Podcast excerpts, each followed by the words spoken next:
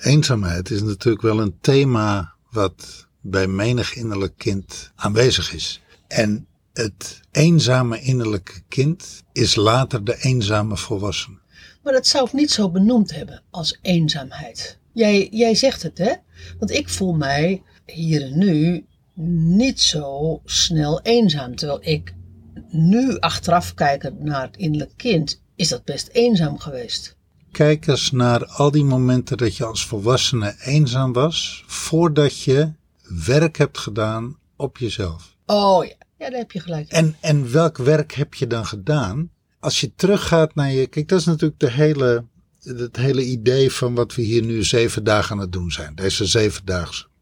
Om je te laten ervaren dat je gevoelens die je in het nu hebt, die stammen uit je kindertijd. En die zijn nog aanwezig in je innerlijk kind. In dat energetische veld. Ja. Heel veel mensen zeggen van nou, weet je, het verleden, dat is voorbij. Het, het, het verleden is voorbij, daar hoef ik niks meer mee. Ik leef in het nu en we gaan met volle kracht vooruit.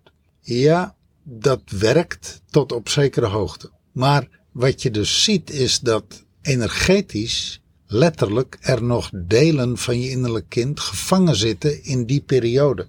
En innerlijk kindwerk gaat terug naar het innerlijk kind, leidt je terug naar het innerlijk kind. Naar die periode van 0 tot 10 jaar.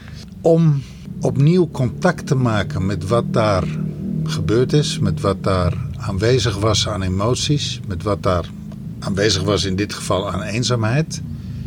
We gaan het zo meteen ook doen. We gaan een geleide meditatie doen, een geleide visualisatie doen.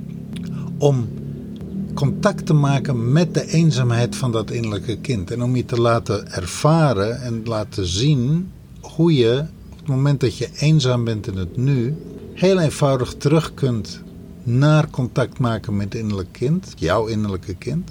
En ter plekke die eenzaamheid kunt aanpakken en oplossen.